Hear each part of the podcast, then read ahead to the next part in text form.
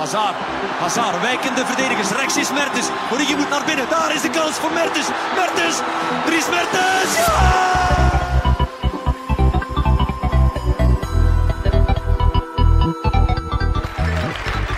Today, Apple is going to reinvent the phone.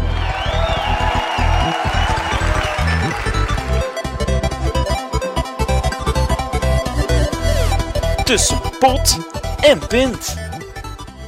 Dag iedereen en welkom bij de nieuwe aflevering van Tussen Pot en Pint. Ondertussen al de tweede aflevering. Ik ben nog steeds Thibaut en als het goed is, is Wannes er ook erbij.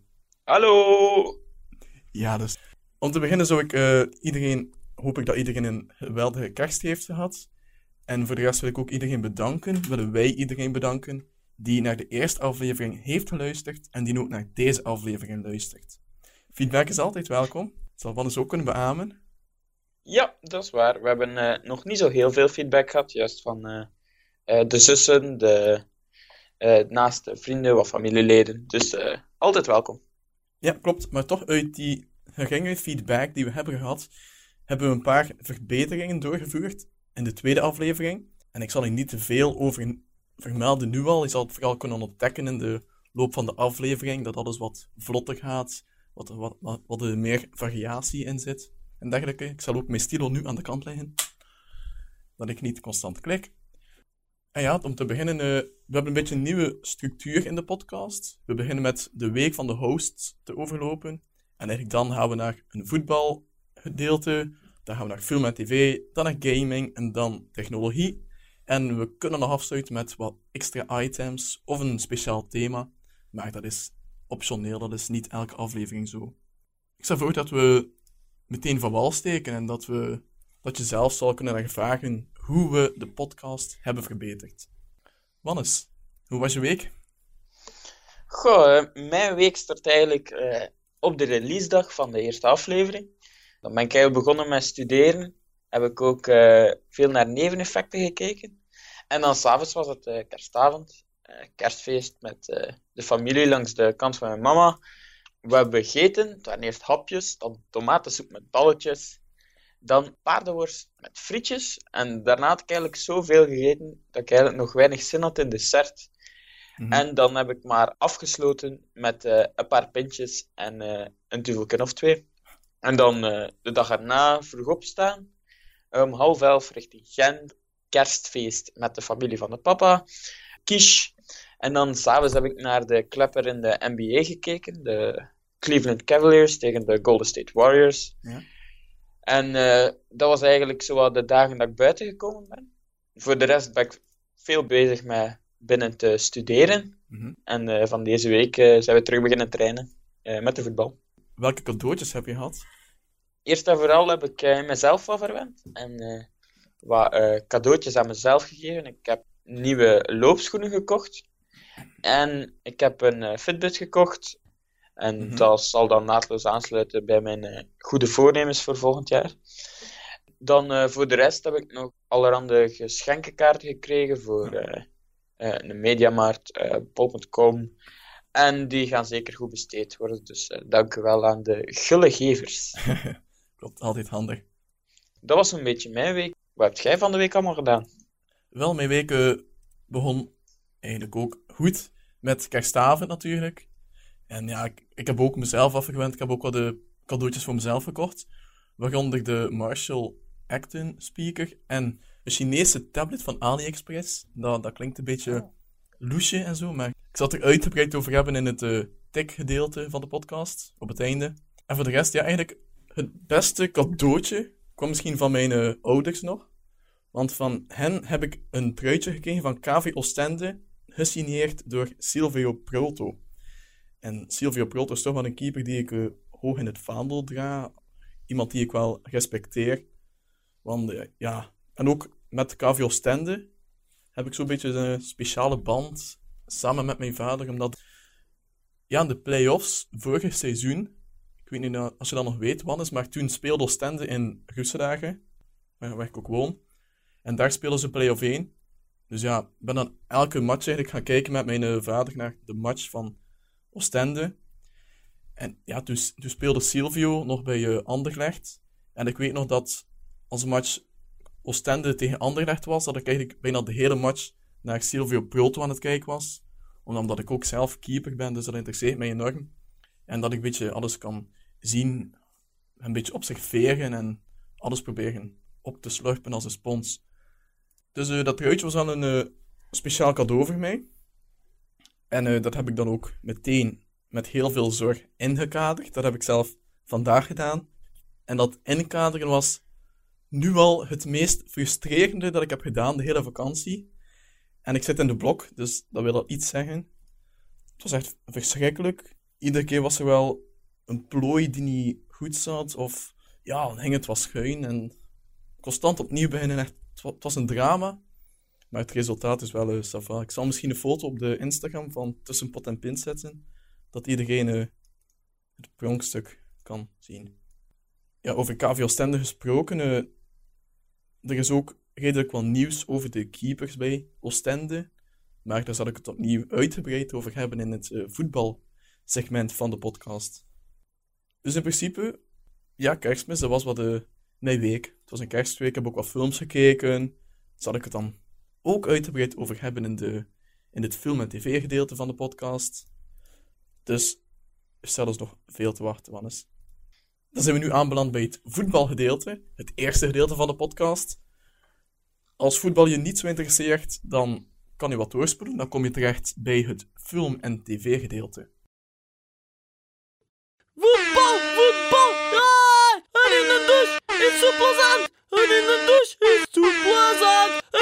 douche is zo plezant! En in douche is zo plezant! Ja!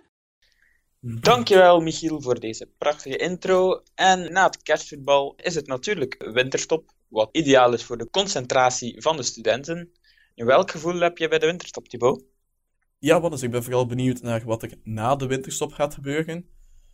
Naar de, de strijd voor play-off 1, want dat lijkt me toch behoorlijk spannend te gaan worden met Gent, die met 32 punten op de zevende plaats staat. Standaard, die op de achtste plaats staat met slechts één puntje minder, met 31 punten. En voor Genk wordt het al helemaal moeilijk. Die staan negende met 28 punten. Dus ik, ben wel heel benieuwd hoe het allemaal gaat uitdraaien. Of Gent en eventueel ook Genk, maar dat lijkt me sterk. Of ze nog zich kunnen plaatsen voor play-off 1. Wat is welke voet heb jij? Ja, goh, ja, ik, ik uh, kijk eigenlijk vooral uit naar de invloed van de wintertransfers. Volgens mij gaan er uh, een paar grote bedragen vallen bij de ja. topclubs, omdat er nog een paar grote gaten zijn in hun selecties. Uh, Anderlecht is bijvoorbeeld op zoek naar een keeper. Uh, Gent heeft nu net een keeper gekocht. Genk zal grondig moeten investeren. En ja, ik ben vooral benieuwd welke talenten of ontdekkingen er nu al weggeplukt gaan worden bij die ploegen die nu zo hoog staan. Ja, klopt. Je meldt dat Anderlecht op zoek zou zijn naar een nieuwe keeper. Denk je niet dat de Frank Boeks plaats momenteel zal behouden? Omdat hij toch wel deftig speelt momenteel? Ik denk vanuit er een nieuwe keeper komt dat hij eruit ligt. Maar ja, op zich, eh, ik heb wel, eh, wel respect voor Frank Boeks. Eh. Het is een beetje een gekke keeper, maar alle keepers zijn een beetje gek. Maar uh, ja, op zich ja, vind ik dat hij het goed doet. Hij is betrouwbaarder als Roef. Dus ja, ik begrijp ook waarom dat ze hem op dit moment in doel zetten. Inderdaad. Bij Henk is het ook wat aan het trommelen. Zij zijn dus aan het vechten voor een plaats in play-off 1. En ook ja, op kerstmaandag is er iets vreemd gebeurd, Wannes. Toen is Peter Maas ontslaan als coach van Henk. Ja, ik denk dat dat enerzijds een grote vergissing is. Ja. Ik heb een aantal tweets gelezen van een paar voetbalcommentators en die zijn het daar eigenlijk uh, unaniem over eens mee. Ja, nu, ik denk niet dat mijn oordeel volledig objectief is. Ik heb Peter Maas altijd een van de beste trainers van België gevonden. Hij is ook lang trainer geweest van Lokeren, een club hier in de buurt waar ik ook lang een abonnement voor uh, gehad heb. Mm -hmm. En ja, dat abonnement, uh, eigenlijk een lang verhaal, maar komt erop neer dat eigenlijk vanaf dat Mr. 90% en enkele andere goudzoekers uh, gekomen zijn, dat ik besloten heb dat mij eigenlijk niet zoveel meer interesseerde en dat er niet zoveel beleving meer in zat, dus dat ik het maar opgezegd heb. Nu, ik vind het toch jammer voor Genk. Ik gun ze al even een groot succes. Ik denk dat het van 2002 geleden is dat ze kampioen gespeeld zijn. En ik, vind al, ik heb het altijd al een sympathieke club gevonden. Uh, mm. En ze hebben trouwens een uh, prachtig stadion. In mijn jeugd uh, was ik grote fan van Wesley Sonk. Dat was voor mij toen de beste speler van België. En ja, eh, dat was eigenlijk zowel de club waarvoor dat ik supporterde. We hebben het al aangehaald. Vorige week hebben we het nog over de kansen van play-off 1 gehad van Genk en Gent. Nu, Genk heeft met 2-0 gewonnen. En Gent komt nu echt wel in de gevarenzone. Maar ja, ik denk toch dat het over en uit is. Voor Genk ze ontslaan Peter Maas. En komt een onbekende Nederlander, Albert Stuivenberg. Wat? Is het Albert? Het is Albert. En ja, dan uh, de blessure van Karel is acht maanden oud. En uh, een Didi die naar Leicester trekt. Ja. En wat ik mij vooral afvraag, is of dat andere spelers zoals uh, Collie en Bailey nog gaan willen blijven onder de nieuwe coach. En ja, er gaat vooral veel geïnvesteerd moeten worden in nieuwe kwaliteit. En ik denk toch vooral ook anciëniteit in die ploeg. Want het is een heel jonge ploeg. En ik denk dat het daar vooral aan ligt dat ze niet zo hoog staan in het klassement. Ze hebben enorm veel talent, maar de ervaring is er nog niet. Ja, dan Genk is niet de enige die uh, versterkingen gaan moeten halen in de wintermercato.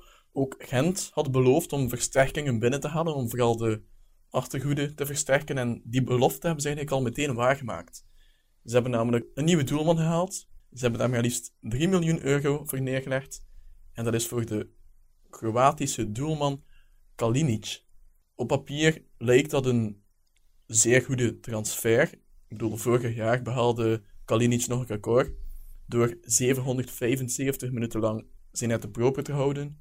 En vandaar kwam er ook wat interesse voor de doelman uit Engeland van ploegen zoals Chelsea en Aston Villa. Maar omdat Kalinic geen werkvergunning kreeg, kon hij sowieso niet naar Engeland gaan. Dus Gent heeft nu eigenlijk die kans genomen, heeft daar wat van geprofiteerd hij heeft nu eigenlijk een, op papier een uitstekende doelman om voor Gent te komen spelen. Nu, voor Kalinic was er ook wat interesse van Anderlecht zelf. Maar het is dus uiteindelijk Gent die de strijd heeft gewonnen. Dus het is wel duidelijk dat Gent alles op alles wil zetten om die play-off 1 nog te behalen. Ze geloven er zelf nog in. En ik geloof ook wel dat uh, met een nieuwe doelman, iemand die echt vertrouwen uitstraalt, dat hij dat vertrouwen ook wel kan overbrengen naar de volledige verdediging van Gent.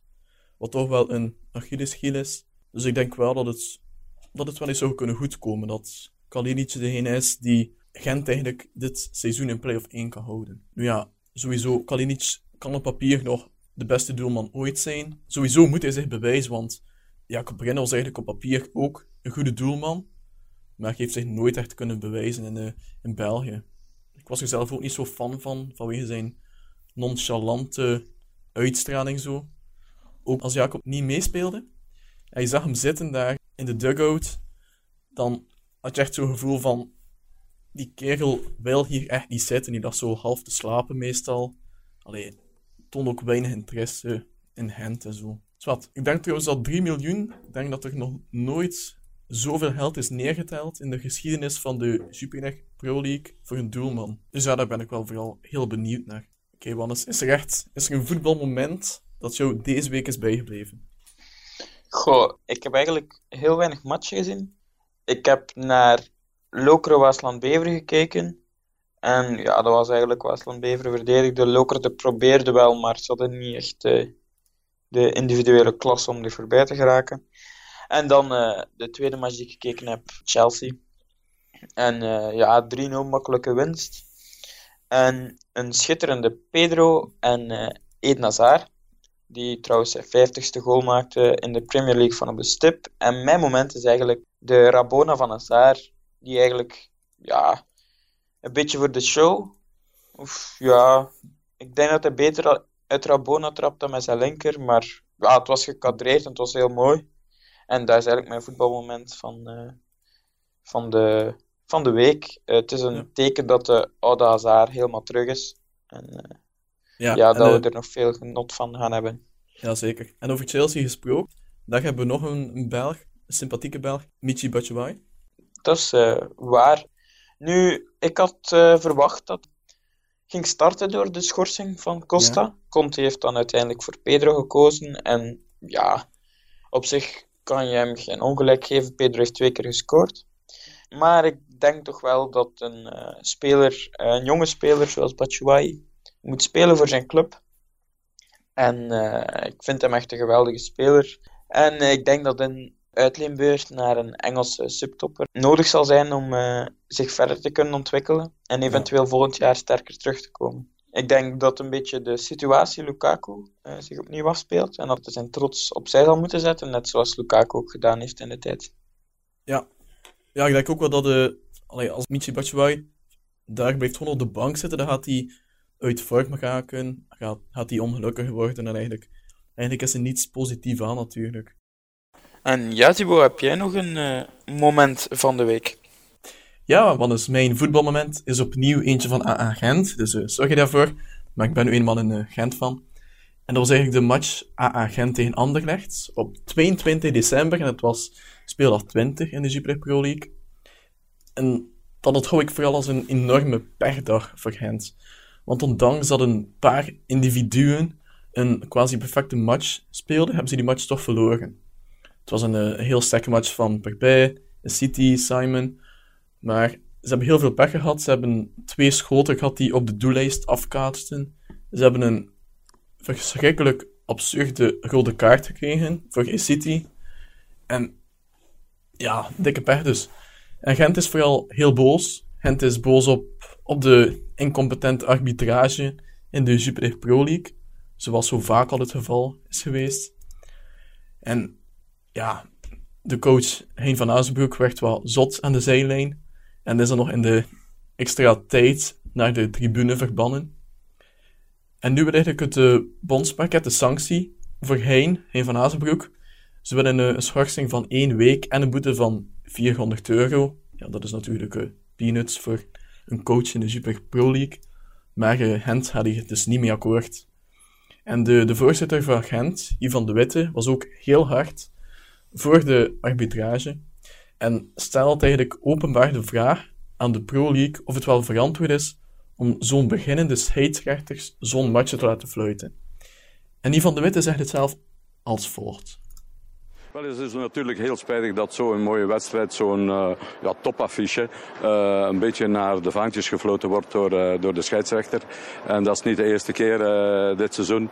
Ik denk dat we er al een paar keer echt naast hebben gezeten. Ik denk aan ja, de fase met Boucault en, en Club Brugge.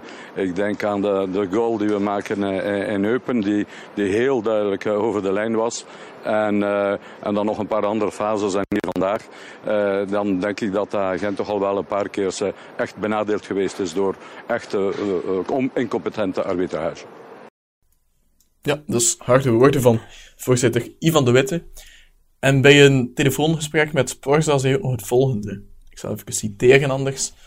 Soms heb ik de indruk dat het plechtige communicanten zijn. We zitten met een duidelijk probleem van de maturiteit bij onze scheidsrechters, maar ook de lijnrechters zijn een probleem. De linesman stond te kijken op de fase met E-City, maar ondernam niets. Zo werd de wedstrijd van een zeer hoog niveau naar de vaantjes gefloten. Lambrecht gaf ook nog een penalty die er geen was en liet wellicht na om er geen te fluiten voor Anderlecht. Dat wijst op een gebrek aan maturiteit. Wat is denk je zelf dat de invoer van een videogif in een stroomversnelling gaat komen na dit voorval? Um, ik denk niet bepaald in een stroomversnelling. Maar ik denk dat het wel al lange tijd duidelijk is dat, uh, ja, dat het voetbal, en dan vooral het Belgisch voetbal, mee moet met zijn tijd. In Engeland spelen ze nu al uh, een seizoen met de Hawkeye. Uh, wat ook een enorme verbetering is. Dus ja, daar valt al geen discussie meer over. En ja, uh, videorefs zijn er mee aan het experimenteren en dat zal er ooit wel komen, maar uh, dit specifiek geval zal nu niet echt uh, een enorme invloed hebben. Ik denk dat er elke week wel zoiets is waar er om een videoref gevraagd zal worden. En het zal er wel komen, maar ja. niet meteen. Ja, het heeft tijd nodig om te, te testen en die, ja, de, de workflow en zo op punt te krijgen. Ja, toekomst van het voetbal. Sowieso blijft het wel objectief natuurlijk die, die fouten beoordelen. Dus videogif zal niet alles kunnen oplossen, maar uh, het zal helpen sowieso. En dan nog iets van Gent. Dat is namelijk, uh, ze spelen in februari de match, de Europa League topaffiche tegen Tottenham. En ze hebben dus de prijzen bekendgemaakt en die zijn echt schandalig hoog, Wannes. Volgens mij gaat het zelf niet eens uitverkocht zijn. Want net zoals bij eh Club Brugge Lister, eh, daar waren er ook nog heel veel vrije zetjes tijdens die match, omdat de prijzen zo hoog waren. Nu voor Gent mag je opnieuw, eh, ja, Gent Tottenham mag je rond de 50 tot 70 euro neertellen voor één ticket. Vind je zo'n hoge prijzen te rechtvaardigen voor zo'n topmatch? Goh, ik denk dat dat eigenlijk niet 100% terecht is. Eh, wat mij vooral dan verwondert, is uh, ja, eigenlijk uh, in Tottenham kost het u 12 pond, dacht ik, Ja. voor een ticket voor die match. En ja, dan vragen ze het, het, het, het zevendubbele in Gent. Mhm. En ja, dat vind ik eigenlijk een beetje Ja, het is, het is vreemd. ja, geld, geld, geld wolven, ja, om het cru te zeggen. Ja, klopt, ja. Oké, Wannes, ik denk dat dat zo wat het eh, bijzonderste voetbalnieuws van de afgelopen week opstond.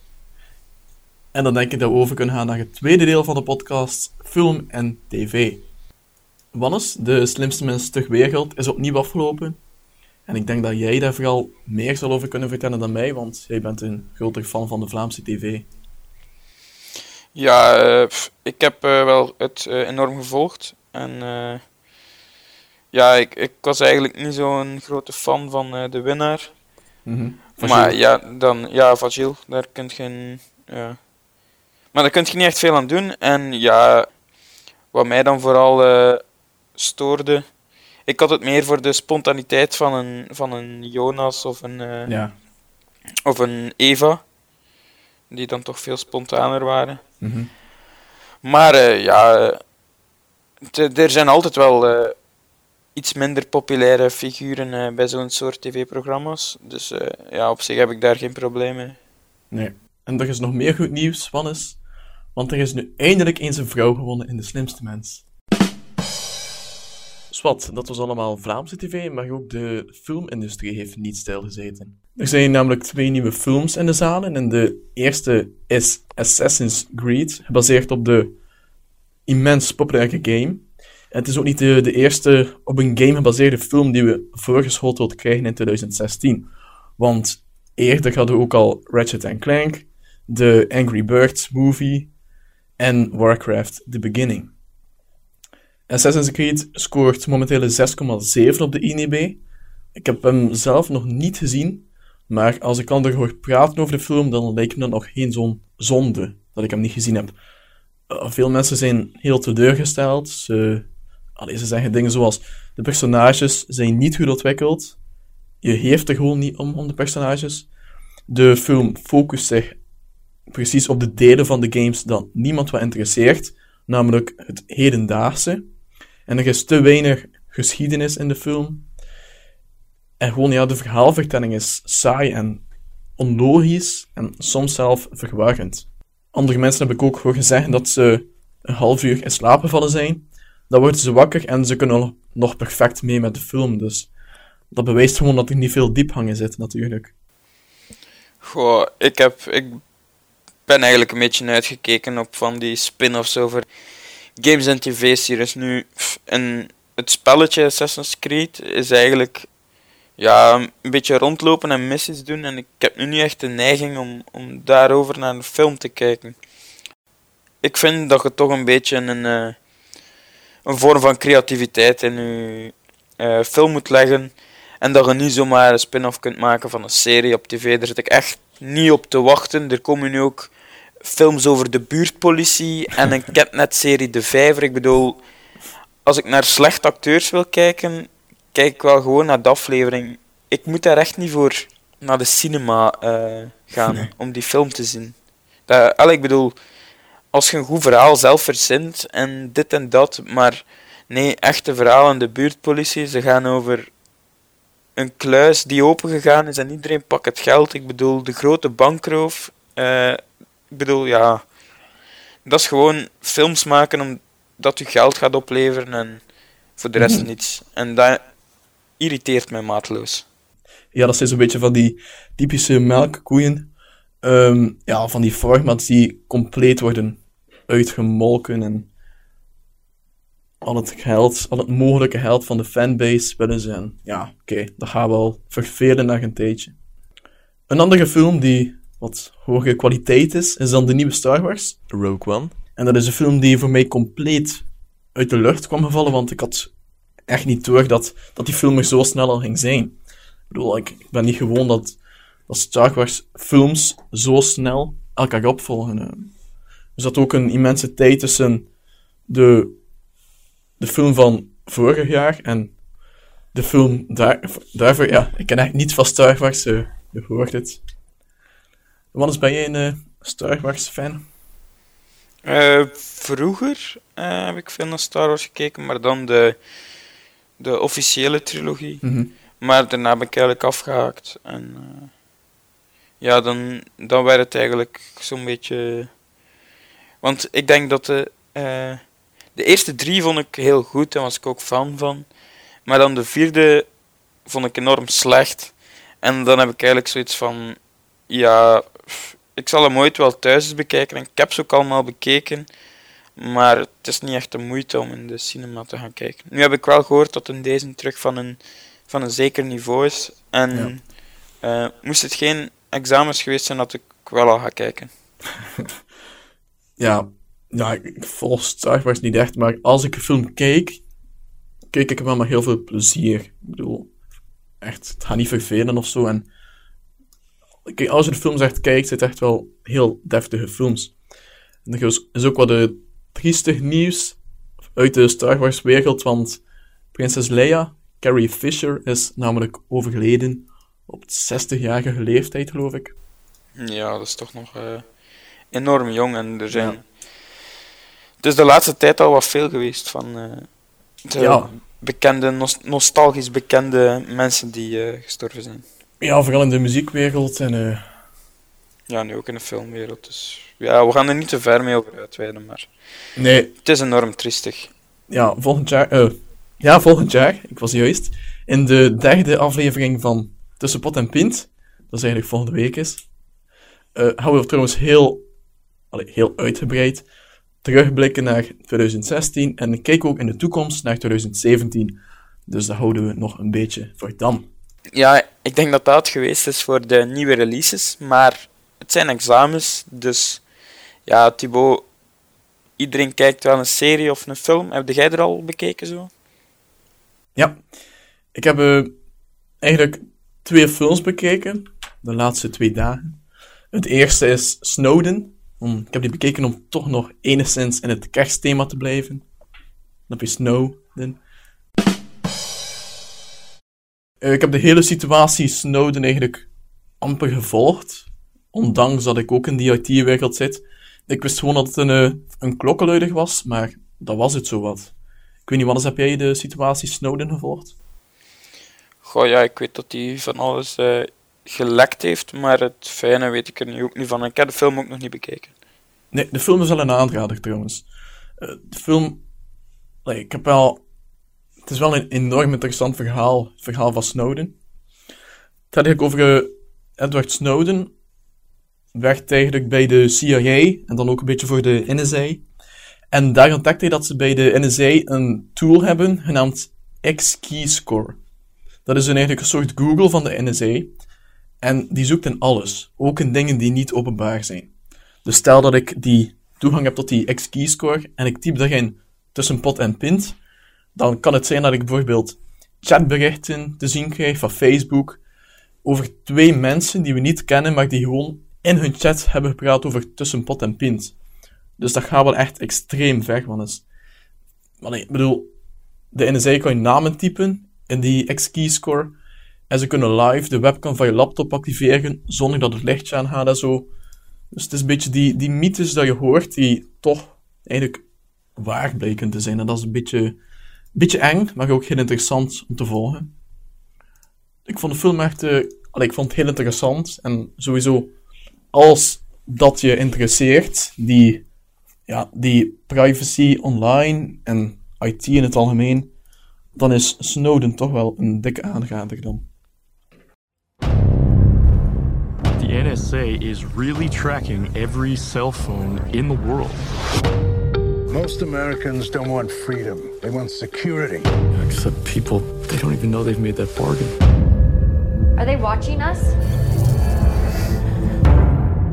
There's something going on inside the government that's really wrong, and I can't ignore it. They're gonna come for me. They're gonna come for all of you too.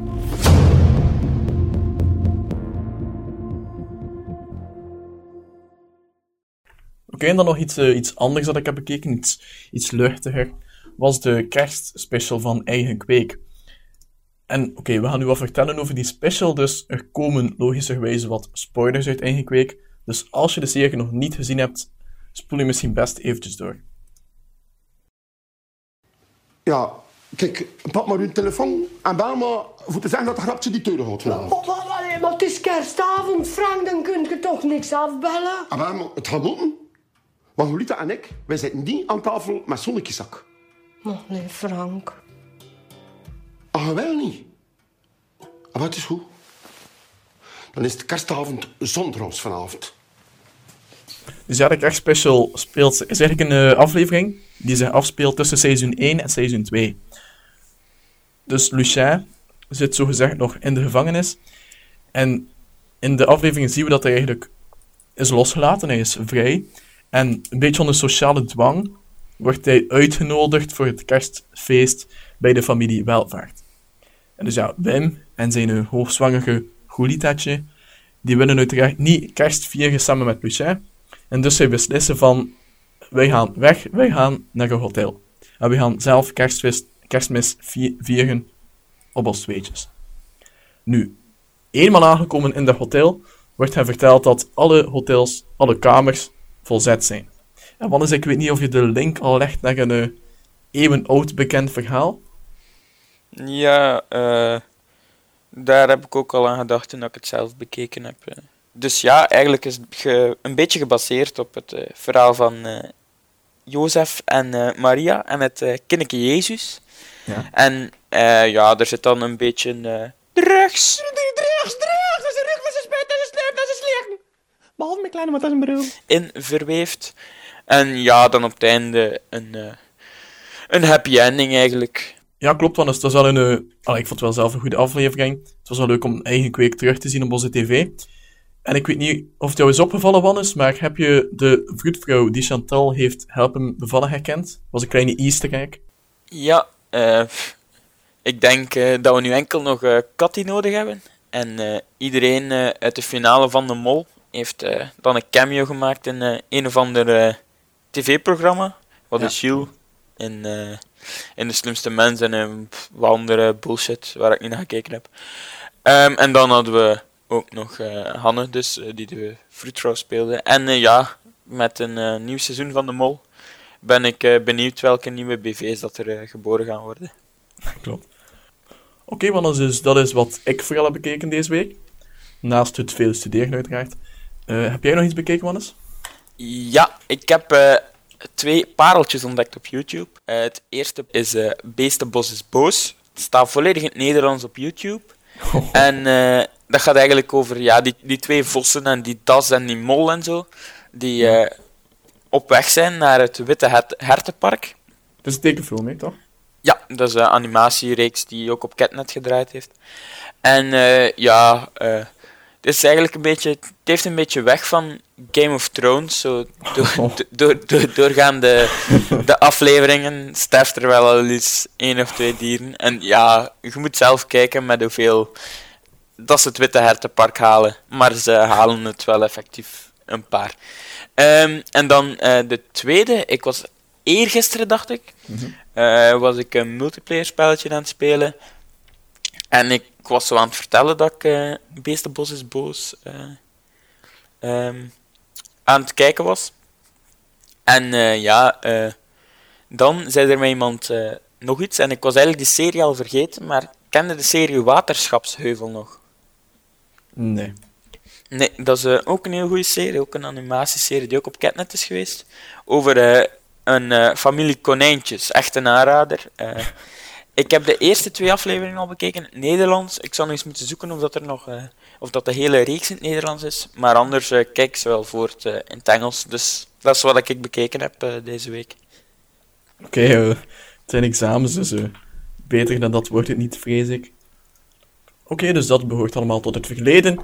En als we eens in de toekomst kijken, dan komen er ook, komt er één favoriet van mij uit, namelijk 1 januari komt het vierde seizoen van Sherlock uit.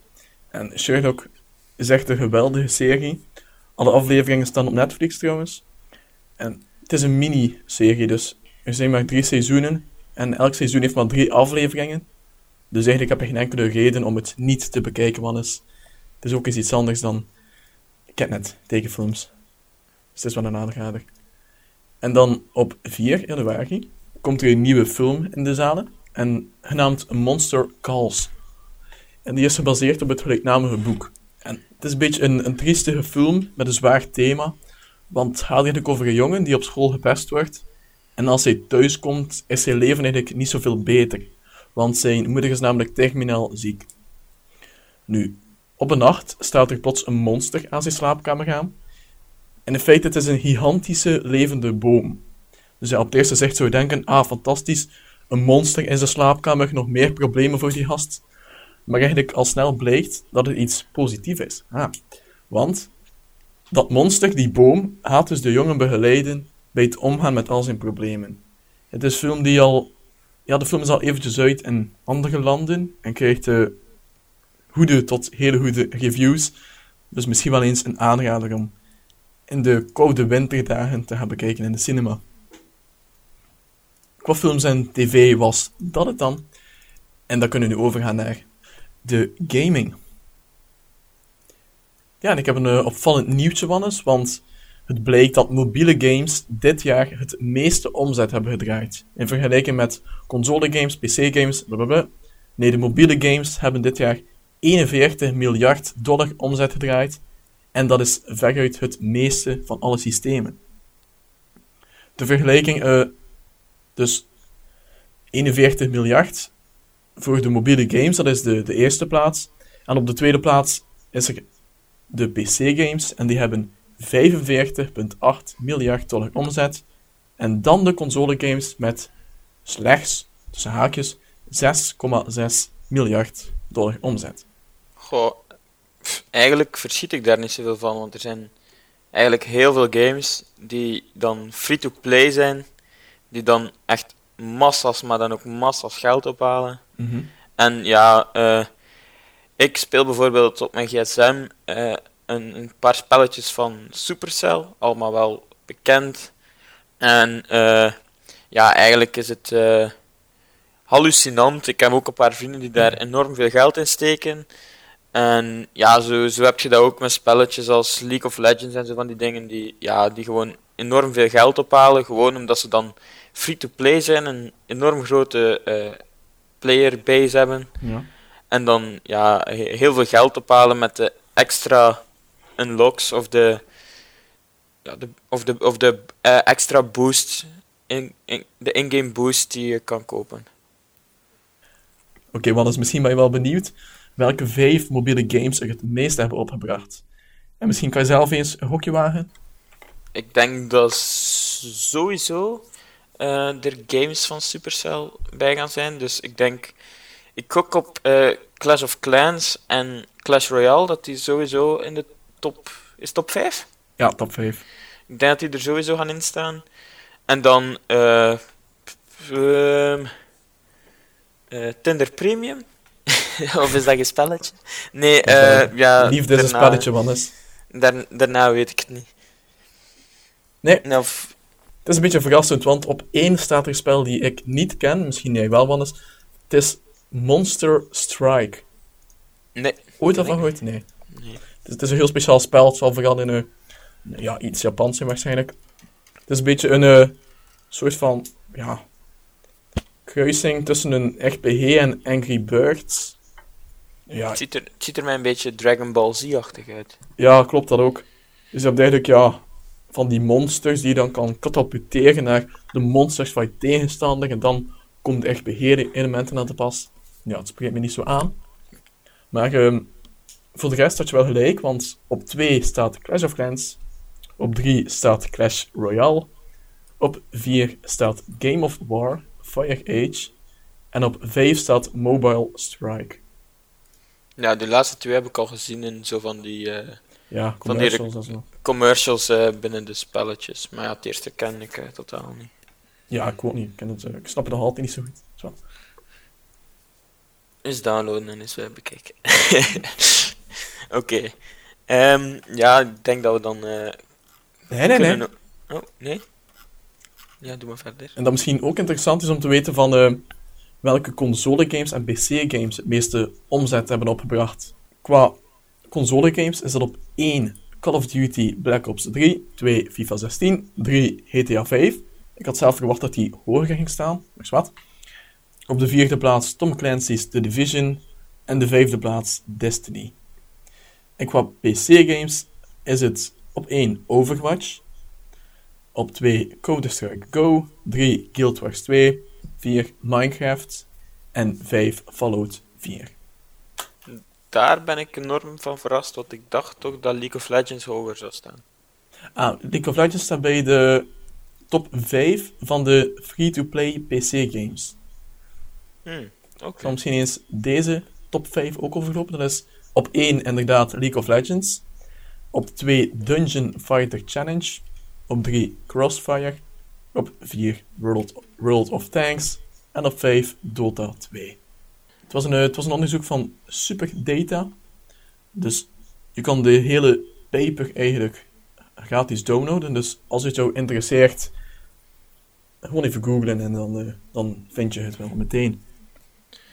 En ja, eh, ik weet dat examens zijn, maar uh, gamede jij nog vaak nu? Ja, wel, het zijn inderdaad examens, dus dan, dan ga ik minder achter mijn console of PC kruipen om te gamen. Maar eh, dan richt ik mij wel eens tot de mobiele games. En een van die mobiele games die afgelopen week eigenlijk vaak in de media heeft, heeft gekomen, is Super Mario Run. Dat is eigenlijk de, de eerste keer dat Nintendo een game uitbrengt voor een niet-Nintendo-systeem. De game is ondertussen al 40 miljoen keer gedownload, maar eh, daar moeten we ook een kanttekening bij maken, want de analisten schatten dat slechts 4% de game effectief koopt. Dus de game kost 10 euro. Ik heb enkel de demo gedownload, net zoals de 40 miljoen, ondertussen zal het al meer zijn, andere mensen. Maar ik ben ook nog niet volledig overtuigd om er nu echt 10 euro aan te geven. Dus in het spel loopt Mario automatisch. Het enige dat jij als speler moet doen, is tikken op het scherm om hem te laten springen. En dus zo hindernissen te ontwijken. En uiteraard, à la Super Mario, moet je ook zoveel mogelijk muntjes verzamelen.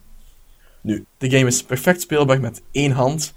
Dus het lijkt wel alsof dat Nintendo hem speciaal gemaakt heeft om je toiletbezoek entertainerder te maken. En de game bevat zes werelds met vier levels per wereld.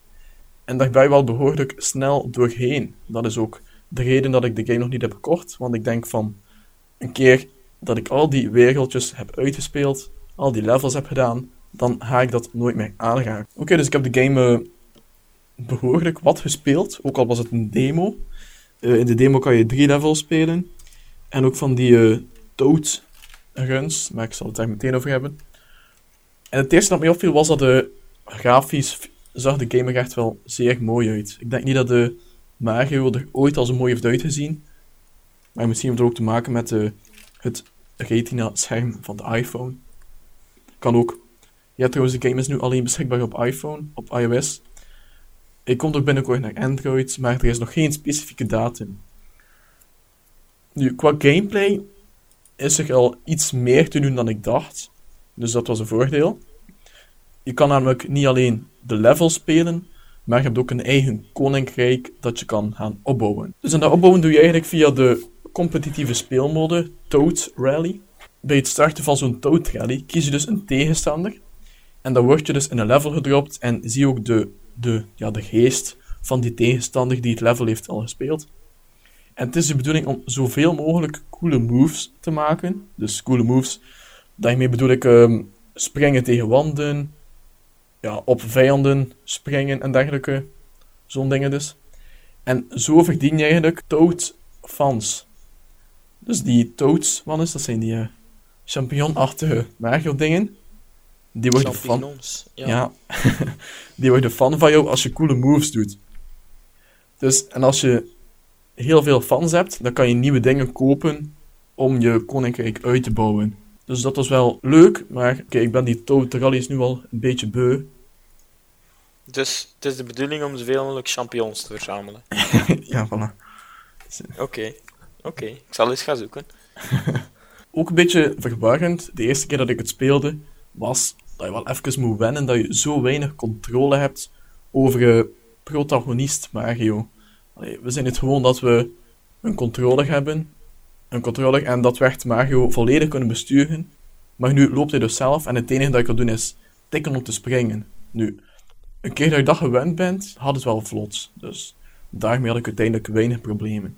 Nu, als mensen mij vragen of ik de game echt kan aanraden, dan hangt het vooral af van welk soort persoon dat je bent. In games. Want je hebt zo van die mensen die echt alles willen verzamelen in games en alles willen unlocken. En dan is Super Mario Run misschien wel die 10 euro waard, want je hebt ehm, binnen elk level kan je dus muntjes verzamelen. Als je al die muntjes hebt, kan je nog een keer hetzelfde doen, maar dan een beetje moeilijker. En dus eigenlijk kan je een hele lange, een hele lange periode zoet met al die muntjes te verzamelen.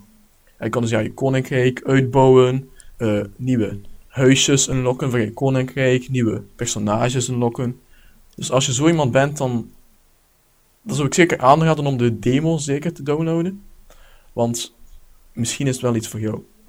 Nu, als je een beetje zoals ik bent en als je zoiets hebt van, ja, ik heb alle levels al een keer gedaan, ik, dan ga ik dat spel nu nooit meer aan, dan is het zijn 10 euro niet waard. Je bent er gewoon veel te snel doorheen en ja, er zijn andere games, goedkopere, die ik veel meer zou spelen, zoals uh, Football Manager speel ik veel op mijn iPhone. Ja, nog een uh, negatief puntje is dat je altijd een internetverbinding nodig hebt bij het spelen. En ik heb geen idee hoeveel dat de game precies opstort van je mobiele data, maar ja, ik kom nu al amper toe met mijn 3 gigabyte. Dus ik, ja, ik zou er me niet zo goed bij voelen als ik nog op de trein ook nog steeds Super Mario speel op mijn mo mobiele dataverbinding.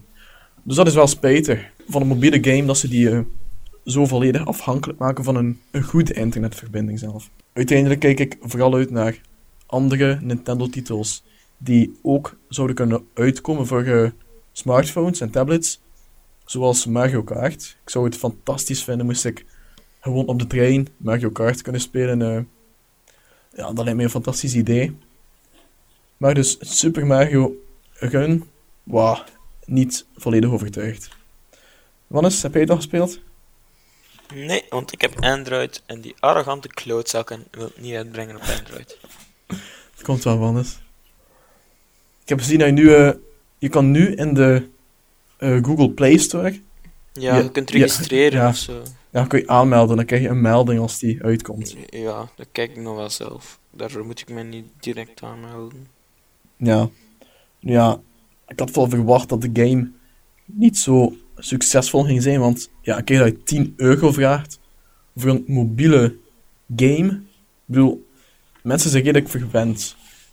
Zeker op uh, smartphones. Mensen zijn niet gewoon van te betalen voor apps en games en dergelijke. Ja, ik denk dat 10 euro enorm, enorm veel is. Ik denk dat er niet veel games zijn nee. die, die 10 euro kosten.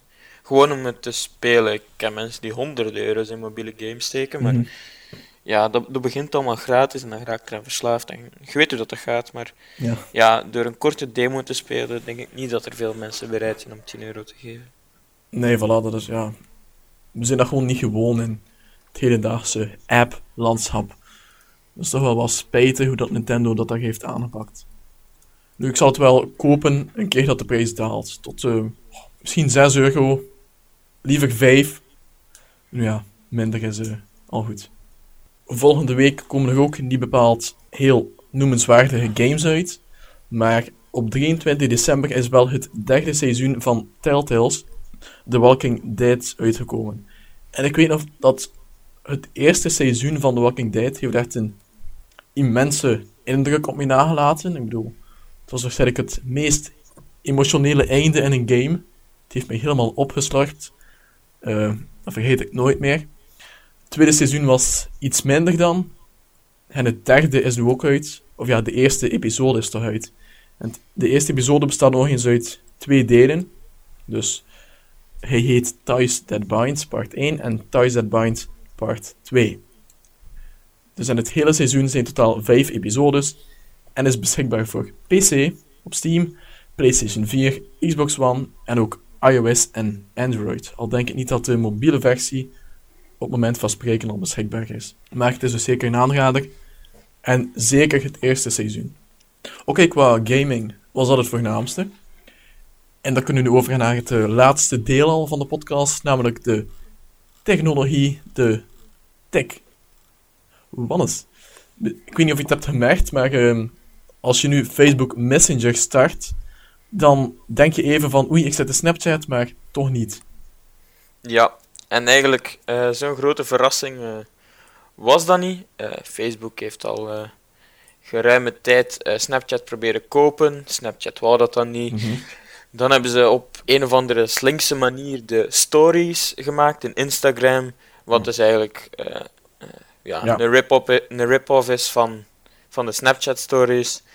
En ja, nu gaan ze er een messenger interface aanpassen dat je ook filters kunt maken die je kunt doorsturen naar mensen. Dus eigenlijk ja, een, een tweede Snapchat. Ja, Facebook zit overal. Ik denk niet dat je er onderuit kunt. Maar ik vind het wel een beetje lame om iemand anders zijn idee zomaar te kopiëren. Ja, daar sluit ik mij volledig bij aan, Wannes. Ik vind ook, ik bedoel, moest jij de CEO zijn van Snapchat, zou je dat zorgen maken nu? Als je dit ziet? Zorgen, ja, niet echt. Ik denk niet echt dat mensen Snapchat gaan laten om nu massaal op Messenger ehm, iets te gaan beginnen doen. Wat ik wel gemerkt heb, is dat eh, uit eigen ervaring, dat eerst mensen heel sceptisch waren van ja, Instagram stories en dit en dat. Maar dat nu eigenlijk eh, meer en meer mensen hun foto's eh, of hun stories beginnen delen op eh, Instagram en niet meer op Snapchat. Ja. Ehm, omdat Instagram eigenlijk eh, ja, eh, wel bekend staat als eh, de foto-app en Mhm. dat Snapchat maar iets kort en, en vluchtig is. Dus ja, dat is een trend, maar ik denk niet dat mensen Messenger ook gaan beginnen be- gebruiken om snaps te sturen. Of oh, alleszins, ik hoop het niet, want ik ben nogal fan van het Snapchat gebeuren. Ja, van het concept. Ja, van, ja, stromen van het zo. concept. Het is, het is ja, niet het is een ander concept, zo Ja. Ik ken ook niemand die op Facebook plots in Messenger zo plots een selfie had sturen in een chat, dus het is wel vreemd.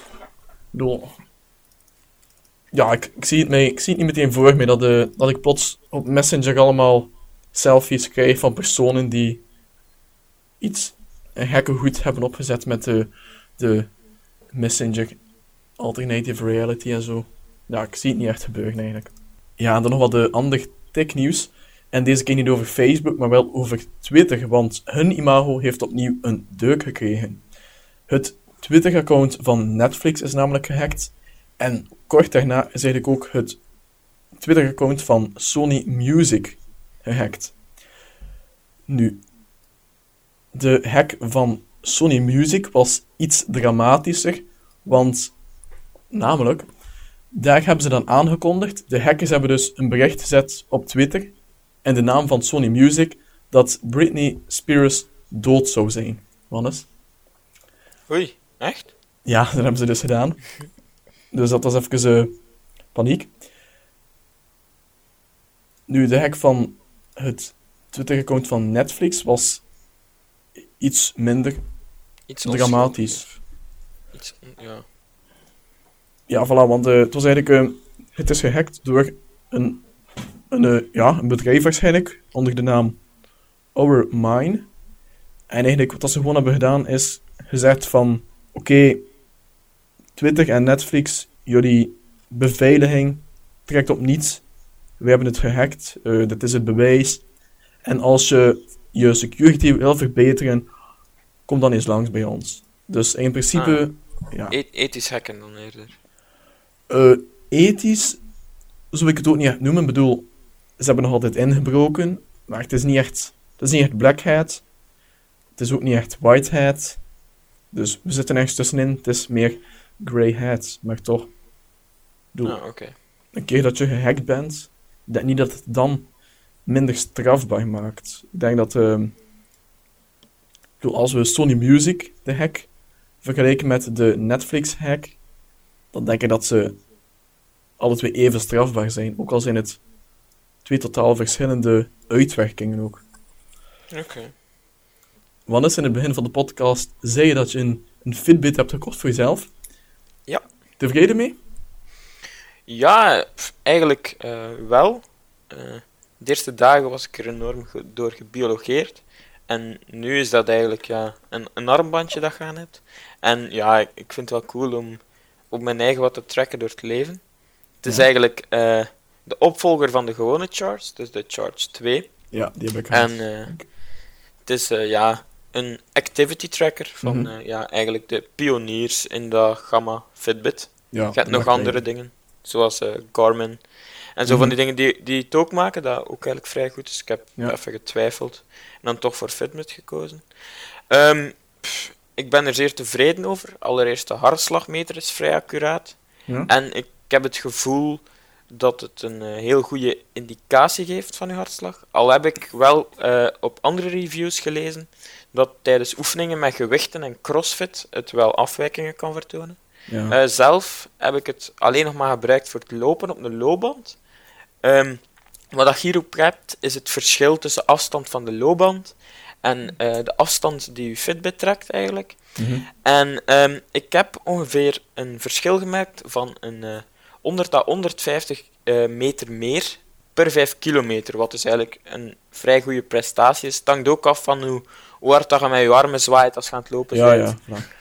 Ehm, en dan een feature waar ik, die ik zelf eigenlijk eh, veel gebruik. En waarom ik het eigenlijk elke dag zink ook, is de sleep tracker. Ik ben Ah. nogal een moeilijke slaper. Mhm. En hierdoor krijg ik elke dag een, een overzicht van mijn nacht. eh, dus hoeveel ik geslapen heb, hoeveel ik rusteloos geweest ben.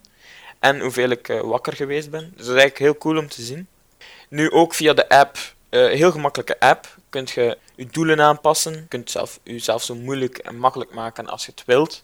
En dan zijn er nog een paar features die ik minder gebruik en die ik eigenlijk een beetje overbodig vind, maar voor andere mensen kunnen die heel handig zijn. Ehm, er is ook een, eh, een mogelijkheid om breathing sessions te doen.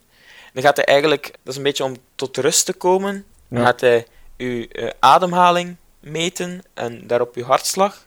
En dan gaat hij die eigenlijk, ik denk voor een minuutje, gaat hij die eh, meten. En dan gaat hij eigenlijk het tempo zo leggen dat je helemaal tot rust komt. En dan moet je eigenlijk ademen op de golven die op je Fitbit te zien zijn. En dan ja, heb je ook een all-day activity waarbij je aanzet om toch per uur 250 stappen te zetten. En eh daar kijk nog niet zoveel aangepast. Dat staat nu van om 8 uur s morgens tot 18 uur s avonds. Eh, nu, meestal om 8 uur s morgens ben ik nog niet wakker. Dus dat doel haal ik dan nooit. En ja, eh, op deze moment zit ik veel aan mijn bureau. En dan trilt hij soms iets van, hé, hey, je moet nog een keer gaan wandelen. En dan zeg ik ze van, ja, zwijg.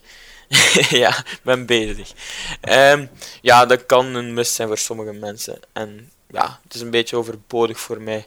Dan wil ik het nog wel even hebben over het design. Hier is eigenlijk ja, het, het, het grote verschilpunt met de andere, terwijl het, de andere eigenlijk een, een bandje is. Eh, ja, ik heb, gewoon ik heb een nog. De, ik heb de, Ja. de Fitbit Charge. De, Ja, en dan heb ik het ook Ja. over de, over de Garmin eh, Vivo Smart, denk ik. Ook ja, een beetje dezelfde prijsklasse. Het is eigenlijk een eh, OLED-scherm wat heel duidelijk leesbaar is bij alle omstandigheden. Nu, in de, in de echte felle zon heb ik het nog niet getest. Dat, dat is wel Mhm. bekend dat OLED-scherm dan iets minder prestaties heeft. Maar ja, het is er niet echt weer voor. En dan zijn er ook van die afneembare bandjes die je kunt veranderen. Dus ja, ze kosten wel veel geld. Ik denk dat het 50 euro is voor... eh Oh. 50, wat zei ik? Eh 35 euro voor een siliconen bandje in een kleur. Ik heb nu zwart, dus dat een beetje neutraal is. Maar eh, ja, voor de, dan, de zakenmensen heb je voor... Ja, ik denk 50 euro een lederen versie, wat dan iets meer classy is. Ja, eh, er is mogelijkheid om te synchroniseren met de eh, smartphone-app op de web-app. En dan, ja, dat was het zo'n beetje. Ik heb er veel plezier aan beleefd en eh, ik hoop dat het mij kan helpen om een gezondere levensstijl aan te nemen in 2017. Ik heb zelf ook de, ja, zoals ik al zei, ik heb dus ook de Fitbit gehad, vorig jaar. Ik heb die een jaartje gebruikt en toen heb ik een Apple Watch gekocht, dus nu gebruik ik voornamelijk de Apple Watch. Ja, ik denk dat dat vooral het, het, eh, de afweging die je moet maken is. Eh, of je gaat voor een activity tracker, of je betaalt dan ineens 200 euro meer voor een, voor een smartwatch. Mhm. Wat dan eigenlijk het dubbele van de prijs. Ik heb deze nu 160 betaald, wat op zich heel veel is voor een, voor een horloge die je hartslag meet. Maar ja, het is, eh, ja, het is technologie en ik hoop dat het iets gaat opbrengen. Dus ja, ik vind, ik vind het op zich een, een goede aankoop. Ben er voorlopig heel tevreden over. Ja, top. En ja, dan, dan wil ik wel eens weten eh, hoe het gaat met uw Chinese tablet, Thibaut. Daar was ik ook zelf eh, heel benieuwd naar. Ik heb het dus gekocht via AliExpress. Voor, eh, ik heb het gekocht op Black Friday. Normaal kostte iets rond de 210 en op Black Friday was het iets van 150. Ehm, ik heb hem nog maar ontvangen op ja, de donderdag voor kerstavond. 22 december dus. Ja, zoiets. Of zelfs 23 december waarschijnlijk. Ja, anyway, heel laat, net op tijd. Ik heb dat uitstekend ingepland, vind ik van mezelf. En dus het was een, eh, ja, hij heette Chewy HI10 Plus. Die HI10 wijst op de, ja, de grootte. Het is een eh, 10.1 inch tablet. En hij draait Windows en Android. En er zijn niet veel tablets die beide kunnen draaien, want dat is eigenlijk... Ik denk dat alleen die, die Chinese, dat alleen die alle twee kunnen draaien. Nu ja, die Android is zo via via. Dat is zo via ehm, Remix software en zo en dergelijke. En dan heb je zo een paar kwaaltjes, zoals doordat hij gebruik maakt van die Remix software om Android te draaien, kan je geen apps op je SD-kaart zetten. Dus ja, dat is wat, wat lastig als je al een, een tablet hebt met wat minder opslag. Nu, mijn tablet heeft eh 64 gigabyte. En ik gebruik hem vooral voor Windows. Eh, dat was ook de bedoeling van mijn tablet. Ik was eigenlijk op zoek naar een tablet die toch de volwaardigheid, de compleetheid van een eh, volledig besturingssysteem had. Dus er is niets dat ik met die tablet niet kan, dat ik met een gewone computer wel zou kunnen. En dat is wel, dat maakt het voor, mij enorm geschikt eigenlijk om, eh, om mee te nemen overal waar ik ga. Dan moet ik mijn eh, dure laptop niet meenemen en kan ik toch alles doen. In geval van nood moest ik echt eens een computer nodig hebben. Zo. Ik heb ook een, een cover besteld met een toetsenbord. En dan maakt het zo wat een, eh, een Surface rip-off eigenlijk, de Microsoft Surface. Nu, die cover is nog niet toegekomen. Ik hoop dat dat... eh ja, het is AliExpress. Ik hoop dat dat eh, deze week zal zijn. En dan kan ik hem volgende week eens kort bespreken. Daar ben ik wel benieuwd naar. En ook, ze hebben geen Azerty toetsenborden. Dus het is sowieso Ah, een QWERTY. Dus ja, dat is wel spijtig. Ik ben van plan om hem zo in te stellen dat het... Het is een QWERTY, fysiek, maar eigenlijk typt hij gewoon een Azerty. Want Ah ik- ja, dat is wel- Want ik typ toch blind. Dus ja, als ik dan een Q typ, komt er gewoon een A op mijn scherm. Dus zo ga ik het aanpakken dan eigenlijk. Ik hoop Ja, dat ik- vlot gaat. Ja, ik wil eigenlijk ook nog iets eh, zeggen over die AliExpress levertijd. Ik heb daar deze zomer ook eh, een, eh een probleempje mee gehad. Ja? Nu, ja, het was eigenlijk de EK-hype. En ja, AliExpress, dat duurt dan even om, eh, om, op, te, om op te nemen. Of om, eh, om te leveren. Een, ja, een 60 dagen of zo. Maximale levertijd is dat. Dus ja, maar sowieso. Daar een- komen ze toch nooit aan, aan die 60 dagen. Dat is, dat is meestal wel... Ik heb nog nooit langer dan een maand moeten wachten, eigenlijk. Nou, bij mij was het ja, iets meer dan 30. Nu, ik had het besteld en het was een truitje van de Rode Duivels. Ja, 15 euro of zo, iets minder. 16 dollar. En ja, dus eh, ik vol spanning aan het wachten. De Rode Duivels deden het goed. Eh, makkelijke weg naar de finale. Kwartfinale komt eraan. Oké, Begint er niet ja. Doe nog pijn. Oké, dus ja, eh, het komt erop neer. Eh, Rode Duivels lagen eruit. Dag erachter, ding dong, de post. Hallo, hier is uw truitje van de Rode Duivels. En ik was zo van, ja, oké, nu, nu, moet het niet meer, nu moet het niet meer. Ik heb het nog altijd, dus... eh, Nu verbrand ik het. ja, perfecte kwaliteit. En ik doe het nog elke keer aan als een eh, oefenmatch spelen tegen Janneke en Mieke. Maar ja, het- net, net te laat. Het was wel net op tijd om je tranen te drogen. Ja, dat is waar. Dus dat is wel het positieve. Oké, even terug naar de tablet. Op het eerste zicht gaat hij heel erg vlot. Ik bedoel, die draait Windows zonder problemen. Het is ook eh, de harde schijf. Harde schijf, het is eh, de opslag die erin zit. Het zal wel flashopslag zijn. Is eh 64 gigabyte. Maar die is gelukkig eenvoudig uit te breiden met een eh, SD-kaartje. Dus ik kan nog eh, 128 gigabyte bijsteken. Dus eh, dat is eigenlijk ideaal. Hij gebruikt ook USB-C. En dat is eigenlijk mijn eerste USB-C apparaat ooit. Enige nadeel is de USB-C kabel die erbij zit, is nogal kort. En ik heb dus geen andere USB-C kabel, omdat geen enkele van mijn apparaten dat gebruiken. Dus ja, dan moet ik het even doen met een korte kabel. Maar zwart, dat is nog het minste probleem.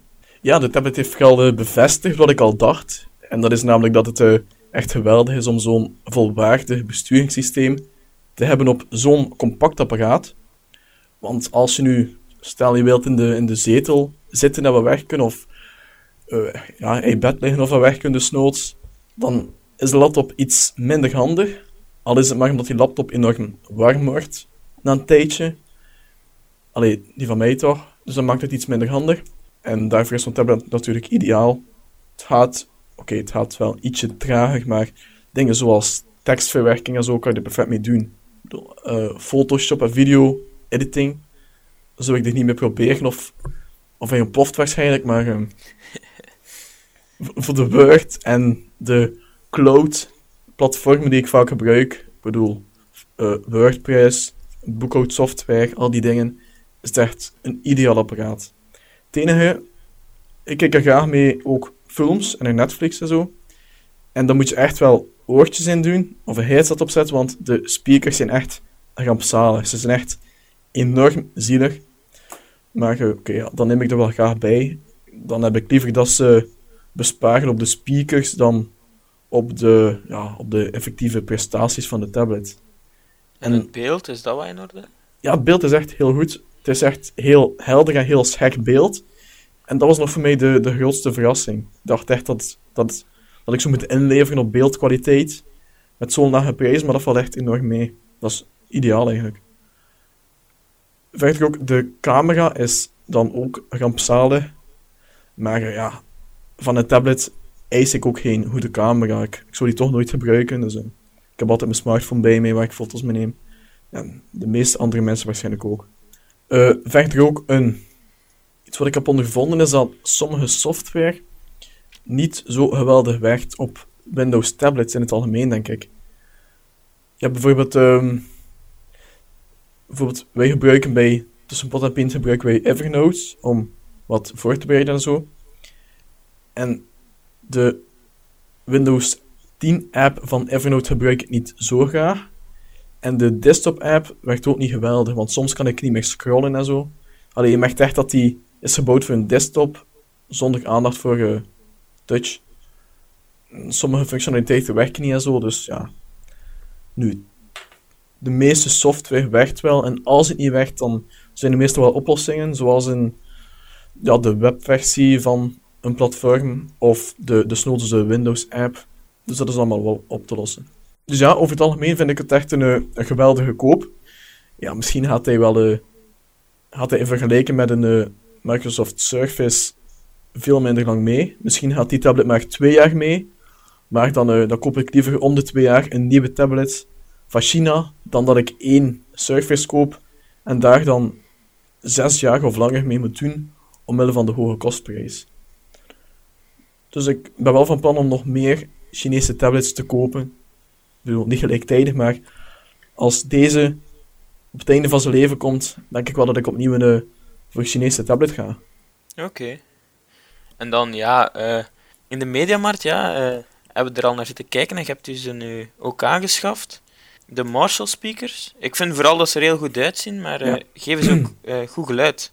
Dat is vooral mijn vraag. Ja, ik was, ik was ook heel benieuwd naar de Marshall Acton. Ik was er al verliefd op sinds dat we hem zagen in, in, in Mediamarkt.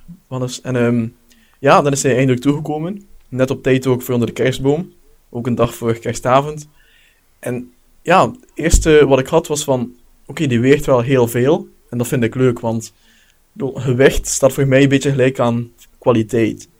En oké, de fabrikanten weten dat ook wel. Bijvoorbeeld in mijn eh, Beats One koptelefoon zijn er echt gewoon nutteloze blokken metaal. Gewoon om die koptelefoon zwaarder en kwalitatiever te laten aanvoelen. Ja, sommige fabrikanten misbruiken dat, maar ja, het is gewoon zo. Als iets meer weegt, dan stel je dat gelijk aan betere kwaliteit. Het tweede dan is, inderdaad, je ziet er geweldig uit. Je ziet eruit als een, eh, zo'n oude gitaarspeaker. En echt geweldig om zoiets in je huis te hebben staan.